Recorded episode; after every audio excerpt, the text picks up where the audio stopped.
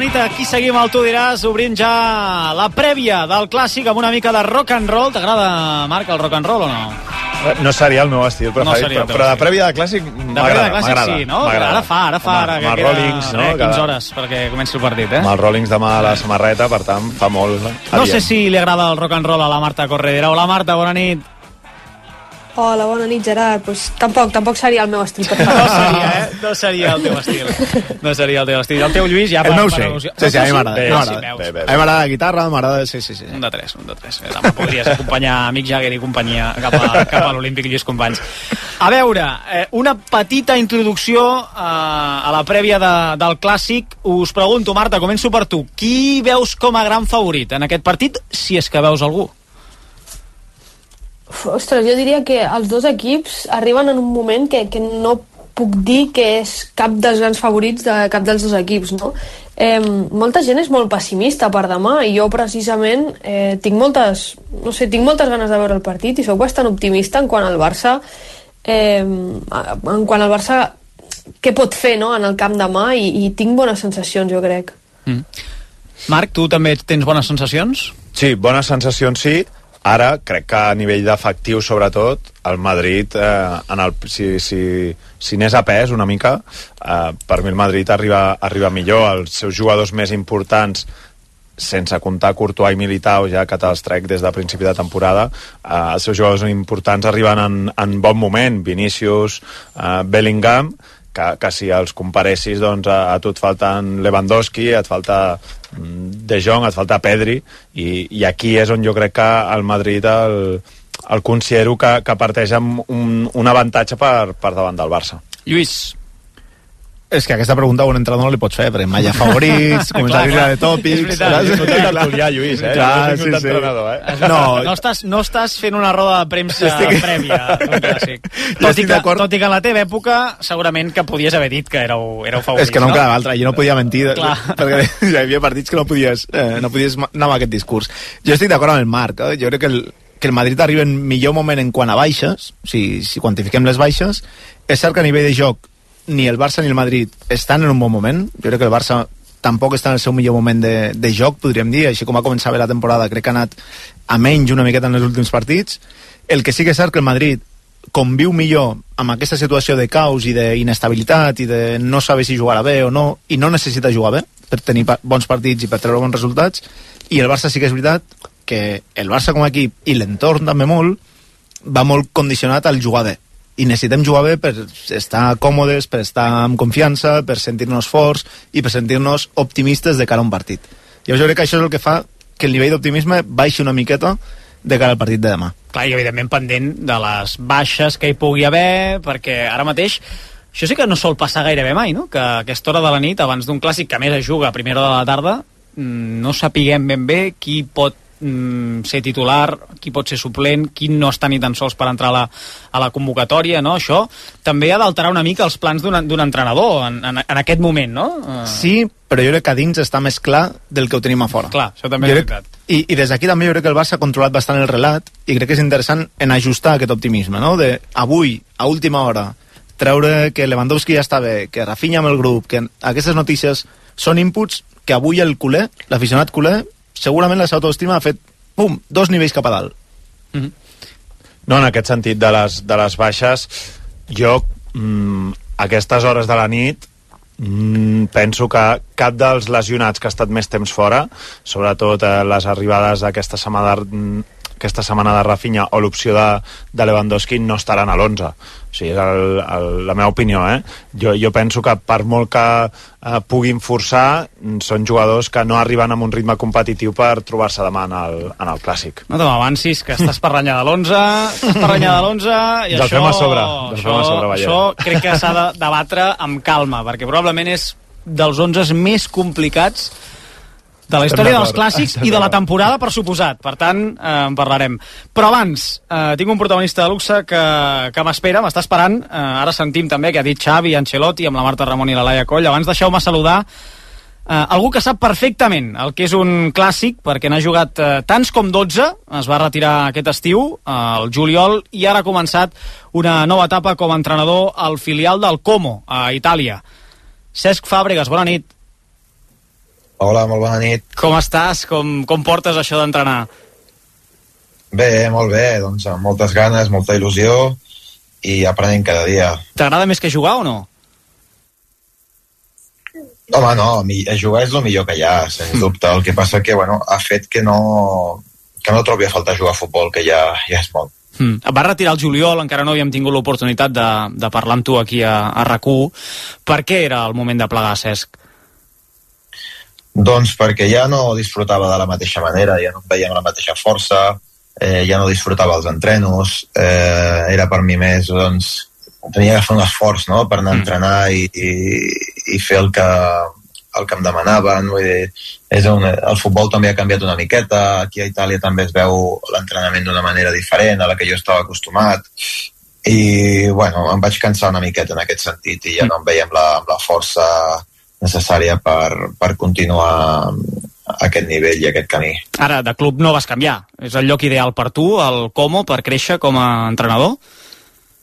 Sí, home, sens dubte, perquè bueno, em deixen fer una miqueta com jo vull entrenar els nanos, crear la meva idea, crear la meva metodologia, anar creixent, anar aprenent i, i a poc a poc, doncs, eh, ja et dic, anar avançant en aquest camí que, que és molt maco també. T'agradaria ser entrenador del Barça algun dia o almenys formar part de, dels cos, del cos tècnic de, del Barça en categories inferiors o començar per aquí? Jo, mai diguis mai a res. Jo la veritat és que intento doncs eh, adaptar-me i aprendre cada dia. Mm. Eh, eh, ara mateix, ja et dic, la meva intenció és ser primer entrenador. No, no em veig gaire com a assistent, no és una cosa que, que em motivi tant. La veritat, ja he fet el pas aquest any doncs, d'anar amb els nanos, que tampoc potser era una cosa que em plantejava al principi, però ha sortit així, ho he vist bé i ara la veritat és que m'agrada però no crec que vagi més enllà d'aquest any eh, i a partir d'aquí, bueno, doncs, eh, ja, ja t'he dit un altre cop, anar, anar creixent, Mm. anar, anar formant, eh, fer la meva idea eh, i a partir d'aquí veurem, veurem el que passa, no? però, però sí que em veig més com a, em veig com a primer entrenador. Mm, Per tant, has dit aquest any el Como, mm, formant joves, però l'any que ve ja et veus en un primer equip, eh? Pel, pel que entenc.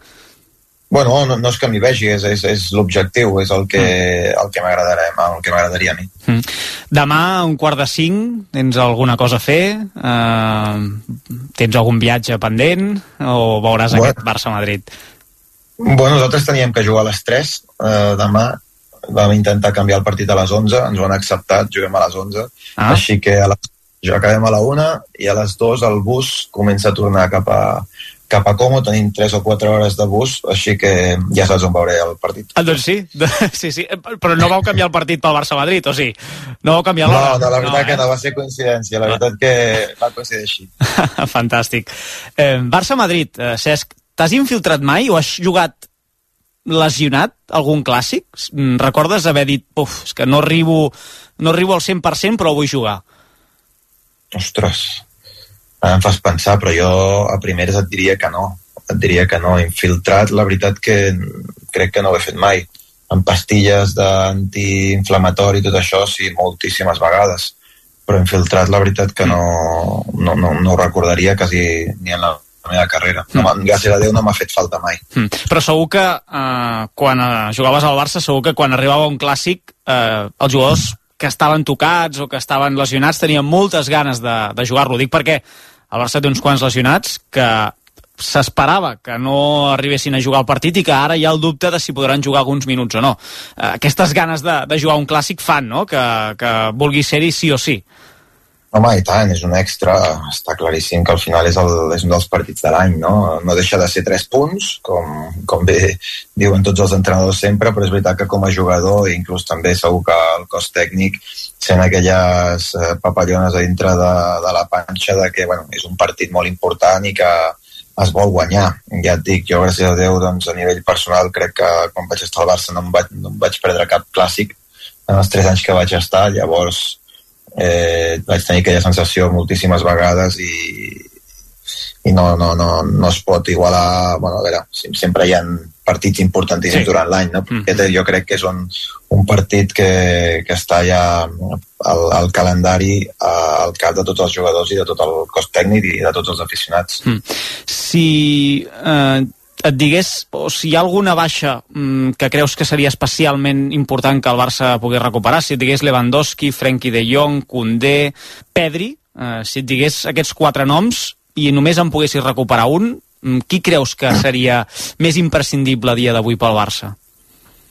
Frenkie de Jong, jo crec que el Frenkie estava a un nivell molt, molt alt en el moment del que es va lesionar, havia agafat ja un lideratge important, eh, òbviament a nivell de talent jo crec que i, i per la importància que tindrà el Barça en el futur eh, el Pedri serà un jugador clau en el futur si el, li, li respecten les lesions però, però jo crec que el Frenkie en aquell moment estava sent una peça molt, molt clau i molt important per, per l'equip a tots els nivells, a nivell defensiu, a nivell estructural, a nivell ofensiu, de possessió, i la veritat que ha donat un salt important aquest any. Hm. M'he deixat Rafinha, també, que és un altre dels que, eh, de fet, rebrà l'altra Amèrica, tal i com hem dit, i és dels que més opcions té de, de jugar. Però eh, el Cesc diu que Frenkie de Jong és imprescindible. Per on creus que passaran eh, les claus demà o la clau eh, d'aquest clàssic? Bueno, més que tàctica, jo tiraria una miqueta més per l'experiència, no? perquè al final estem parlant de que moltíssims nanos joves eh, ho estan fent molt bé, mm. estan jugant amb moltíssim desparpajo i la veritat que, ostres, eh, dona gust, dona gust veure'ls. Ara, com es veuran dintre d'un clàssic, no? que aquesta és la, la gran pregunta, no? el gran partit, eh, on ara ja ho han estat fent bé o molt bé en, en certs eh, moments, en certs partits, però mm. clar, ara tothom els voldrà veure en un clàssic i aquí és on està doncs, eh, la, la pressió afegida però jo estic segur que els nanos ho estaran fent molt bé, estarà, bueno, ja han crescut de les categories inferiors, es juguen molts clàssics, es juguen partits molt importants ja des de molt, molt, molt petits, la, la competència és molt elevada i, i, i per això crec que, que tots aquests nanos que, que pugen eh, juguen d'aquesta manera, no? perquè ja estan molt habituats a, a l'ADN Barça en aquest uh, estil de joc i sobretot a, a competir i a guanyar sempre. Mm. Ara que parles de nanos, eh, el cas de Fermín, eh, hi ha gent que el compara amb Pedro. He vist algú que també eh, comparava Fermín amb el Cesc del Barça, no sé si, si estàs d'acord o no. A, a qui et recorda Fermín, si és que et recorda algú? I, I què destacaries de les seves característiques futbolístiques? si algú li recorda a mi, li, li podria recordar per la seva verticalitat i per la seva arribada i perquè sempre mira cap endavant i jo crec que és una de les d'aquells jugadors que, que, que pot arribar a ser bastant decisiu en, en el futur, no? si segueix desenvolupant d'aquesta manera. Eh, ja et dic que el Barça ha tingut jugadors de, de, de moltíssim nivell, molts de, de guardar la pilota, una, uns de ser una miqueta eh, més seguroles, alguns de ser més contra un, i bueno, jo crec que el Fermín en aquest sentit és, és molt vertical, és molt vertical, mm. és algo diferent que no tenia l'equip, potser és algo que jo també podia portar en el seu moment, jugar en diferents posicions, interior, aquest fals nou, número, número 10, mitja punta clàssic, i m'agrada, m'agrada molt perquè eh, va de cara, cada vegada que pot eh, posar una pilota interior cap endavant no s'ho pensa, té arribada, té gol, té xut, la veritat és que, que sí que li puc veure alguna similitud i ojalà que tingui, tingui sort i una, una grandíssima carrera. Mm, I l'altre és la Minya Mal. Havies vist alguna explosió similar? A veure, sí, tenim el cas de, del Leo, no? que, que també va explotar molt jove, però clar, 16 anys. Sí, clar, és molt jove, a veure, és molt jove. Eh, a nivell, al Barça, pues, no, no sabria dir-te, del futbol, doncs clar que me'n recordo de Runis, de, de Cristiano Ronaldo, eh, de, de, de, de, de, òbviament de, del Leo, també doncs, eh, segur que el Bojan en el seu moment va tenir un impacte similar a, a ell, però bueno, al final és deixar-los tranquil, no? Eh, de com es vagi desenvolupant ell en, a, en el seu dia a dia, en aquests mm. partits, a poc a poc que vagi jugant també aquests partits molt importants, que segur que li donaran aquest to i aquesta experiència que, que també es necessita. És un jugador que, que no s'ho pensa, que si té que anar un contra un ho fa, que si té que xutar i encara ho fa sense cap problema, té personalitat, molt, molt, molt dinàmic, dona gust mm. perquè veure'l jugar en aquesta edat a vegades és, és fàcil oblidar-se, no? Que dius, ostres, té 16 anys, que tindria que estar al col·le, no? Vull dir, I, bueno, és, és, és molt, molt bo pel Barça i també que el, que el Xavi doncs, els hi estigui donant a, tot aquest protagonisme. Mm. Hi ha algun dubte a l'11 del Barça, Cesc? Eh, vosaltres Uh, quan jugàvem al Pep, uh, recordo perfectament la defensa, quan tancàvem amb, amb tres, a Vidal, Puyol, Piqué i el Dani, el Dani Alves jugant sempre d'extrem, de, no? gairebé, de lateral llarg. Mm. Um, no sé si creus que la millor opció per Xavi uh, en aquest clàssic és tornar a emparellar Araujo, que és el millor marcador amb Vinícius, i, i tancar amb tres una altra copa al darrere, després del que hem vist en alguns partits aquesta temporada. Quan, quan Valde i Cancelo eren els dos laterals llargs, diguéssim, uh, normalment uh, els equips els, els emparellaven amb dos puntes, no? i això els hi, els hi produïa algun, algun problema. No? no sé si creus que la millor opció contra el Madrid és tancar amb tres al darrere potser sí que t'has d'adaptar depenent doncs, de la seva velocitat, ara potser doncs, ja sense el Benzema han perdut alguna cosa més endavant mm. eh, a nivell de creativitat, eh, però bueno, sí que és veritat que és un equip molt jove, molt dinàmic, molt ràpid davant, amb molt dur contra un, eh, bastant vertical, i a veure, tot és depèn de sensacions, no? a veure què veu el Xavi, a veure com veu, com veu els seus centrals, ja et dic, no sé, tu has dit abans eh, el Condé, no sé si poden fer un esforç i recuperar-lo.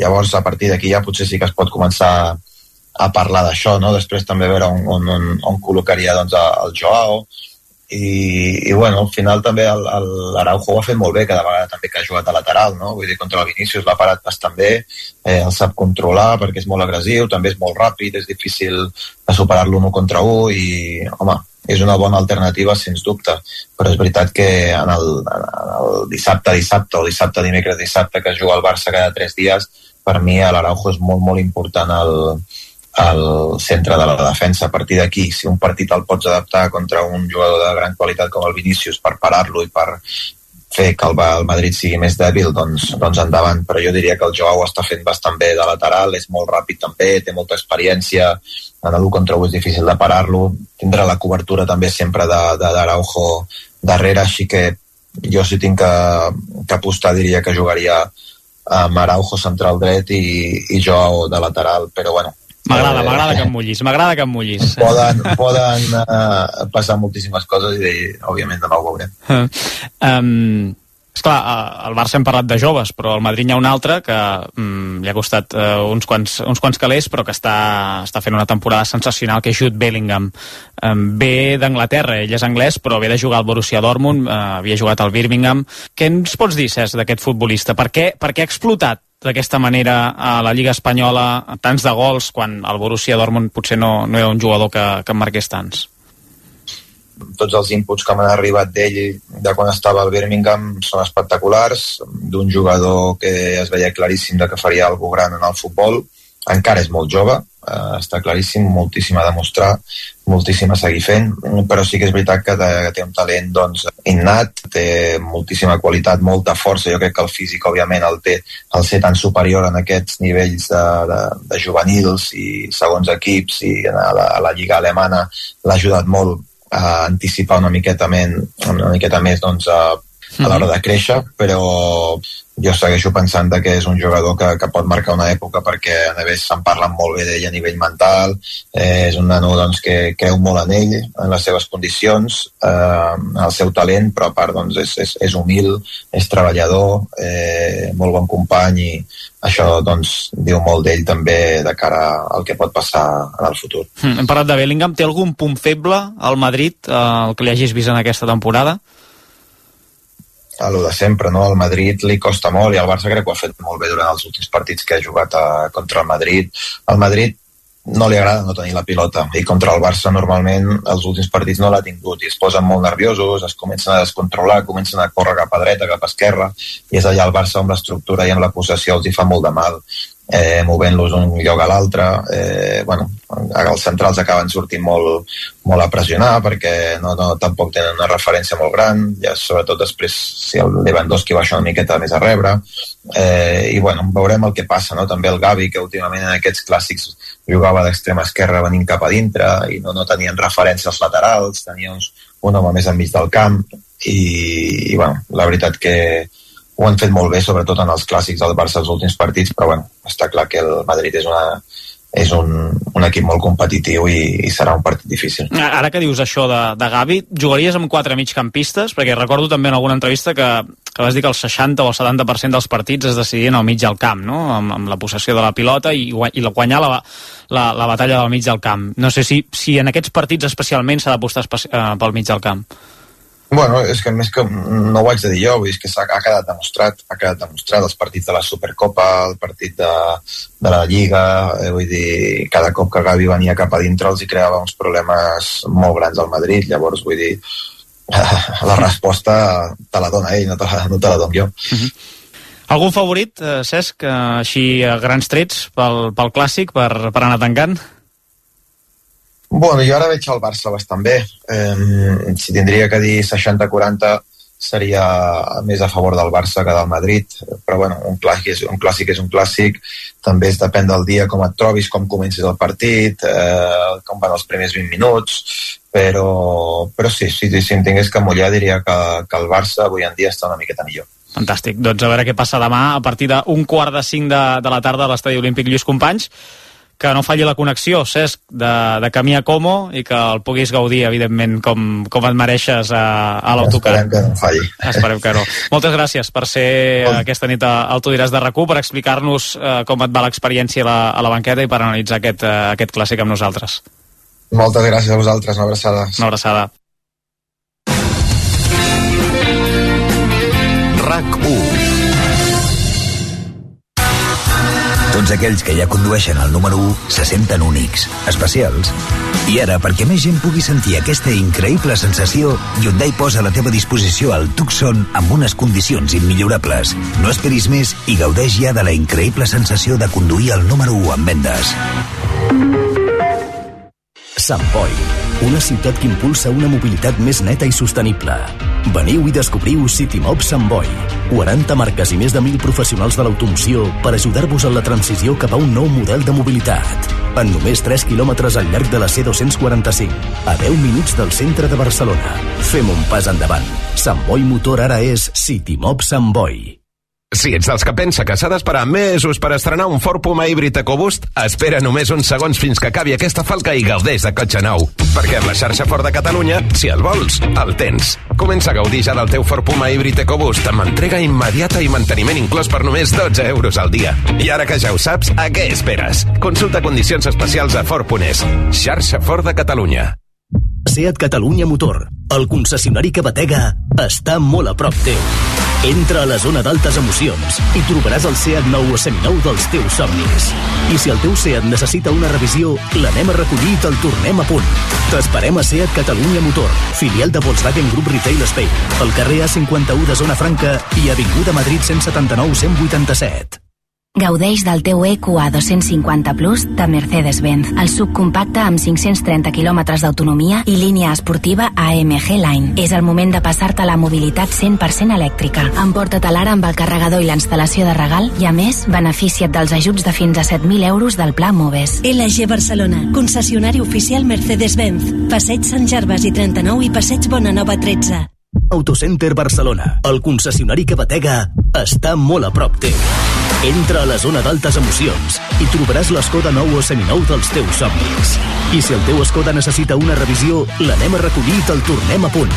T'esperem a Autocenter Barcelona, filial de Volkswagen Group Retail Spain, a Via Augusta 253 i carrer A51 de Zona Franca. De vegades és dur ser tan popular. Tothom et vol veure, vol estar amb tu, i és que al final és com si estiguessis fora del seu abast. O no. A IKEA abaixem els preus dels productes més populars i dels nostres serveis de transport, perquè aquí sí que n'hi ha per a tothom. Descobreix-los a la teva botiga IKEA o IKEA.es. Necessitem ampliar el negoci. Més metres, més plantes, més de tot. Idees? Una Townstar als Nissan Open Days? Explica'm més. Si al teu negoci li demanes més, vine als Nissan Open Days i descobreix ofertes úniques a la nova Nissan Townstar 100% elèctrica, amb més espai, més capacitat i no paguis fins al 2024. Del 16 al 27 d'octubre al teu concessionari Nissan. Motor Llançà, concessionari oficial Nissan a Barcelona, l'Hospitalet de Llobregat, Sant Just d'Esvern i Sant Boi de Llobregat. Tu ho diràs, amb Gerard Ballera.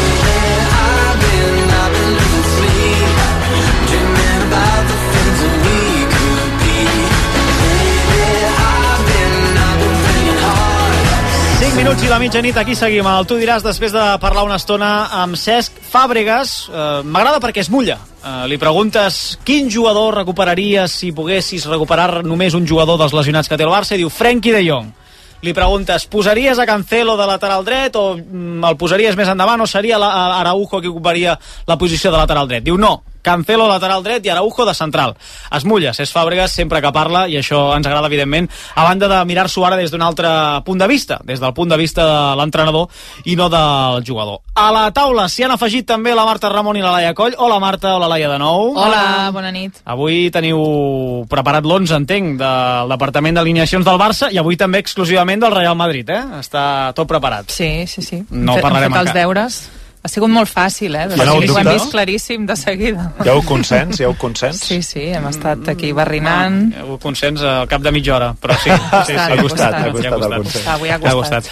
Abans de parlar de l'11, s'ha de parlar primer de tots els lesionats i de quina és la seva situació, perquè Xavi no donarà la llista de convocats fins demà al migdia, la qual cosa encara complica més tot el trencaclosques. Ja hem explicat a RAC1, Marta, però que Lewandowski, i aquesta és la primera notícia, és apte per ser titular demà al Clàssic. Sí, si ho és o no dependrà de les sensacions que tingui el davanter les pròximes hores. Però després de l'entrenament d'aquest matí, l'estat del turmell esquerre de Lewandowski indica que pot jugar de 50 a 60 minuts sense córrer cap risc. I per això els metges li han donat llum verda a que pugui ser titular. Que quedi clar, no estem assegurant que Lewandowski sigui titular. De moment el que estem explicant és que té el vistiplau mèdic per ser-ho. Ara tot dependrà de com se senti ell i del que cregui convenient Xavi escoltant el que li transmeti el jugador. Demà parlaran i decidiran. I també convé remarcar que des de l'entorn del davanter són molt prudents i de moment no el veuen de titular. A la roda de premsa Xavi ha deixat els escenaris oberts.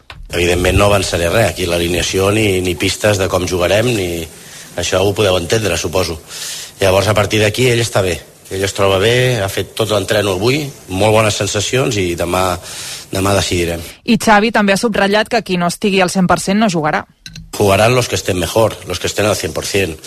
Lo que no podemos cometer es un error de, de poner a un futbolista que no, que no tiene buenas sensaciones y que no está al 100% y más en un partido de, de alto nivel de este tipo, ¿no? Un clásico tienes que estar al, al 100%. Vamos a ver mañana cómo se han sentido hoy. Hoy todos están, están bien, han acabado bien y mañana decidiremos, pero sí que no, no podemos cometer ese el error de, de el que no esté al 100% ponerlo. Les ganes del polonès d'ajudar l'equip i els esforços dels serveis mèdics han estat determinants per poder arribar al clàssic en condicions després de l'esquins que es va fer a Dodragao el 4 d'octubre.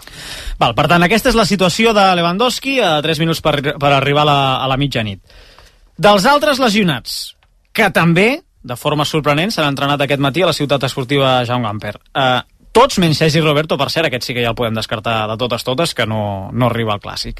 Qui també té assegurat ser a la llista de convocats, a banda de Lewandowski, és Rafinha. Sí, Rafinha ja està recuperat de la lesió que va fer-se al bíceps femoral de la cuixa dreta el 29 de setembre. El pronòstic era de 3 a 4 setmanes de baixa, les 4 es compleixen avui i ja ahir va fer part de l'entrenament amb el grup. El més sorprenent d'avui ha estat veure com saltaven al camp d'entrenament Pedri i especialment Condé, descartat fa dies públicament pel mateix Xavi. La situació no ha canviat amb Pedri. Lesionat fa més de dos mesos al recte anterior de la cuixa dreta, no jugarà demà i l'objectiu continua sent el que ja havíem explicat, que estigui disponible la propera jornada a Noeta. És diferent la situació de Condé, tot i que encara no ha superat el mes de baixa mínim pronosticat després de les 15 al genoll que es va fer el 8 d'octubre a Granada, ens diuen que té opcions d'entrar a la convocatòria. Si rep l'alta, haurà retallat en més d'una setmana el seu pronòstic. I també continua amb opcions d'entrar a la llista de Jong.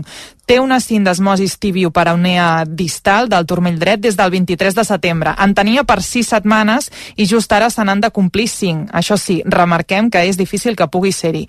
Xavi, que ha admès la sorpresa de veure jugadors que no estava previst que sortissin encara de la infermeria, n'ha lloat sobretot el compromís i ha dedicat elogis també als serveis mèdics. A mi també m'ha sorprès, perquè jugadors que millor doncs, descartaven pràcticament, volen estar, es troben amb millors sensacions, eh, suposo que és el fet de que sigui un clàssic, no? Veurem demà. Jo crec que si hem de destacar alguna del tema de les lesions, avui, és que els jugadors que tenien a lo millor per 5 setmanes, amb 3 estan preparats. Avui jo crec que aquesta és la, la notícia. Avui li he dit al, als doctors, dic, escolta, sensacional el treball que, que s'està fent i sobretot la predisposició del jugador que vol jugar, vol participar, avui ho heu vist. Per tant, recapitulant, Lewandowski i Rafinha, si no hi ha un gir inesperat, seran a la convocatòria. Koundé i De Jong ho tenen complicat, però tenen opcions. I Pedri és qui està descartat. La llista, insistim, no la coneixerem fins demà a partir de les 12 del migdia. No hi haurà sessió d'activació. Dinaran a la 1 a la ciutat esportiva i a 3 quarts i 5 de dues enfilaran camí ja cap a l'estadi olímpic Lluís Companys. Aquesta és la informació a hores d'ara. Demà, evidentment, al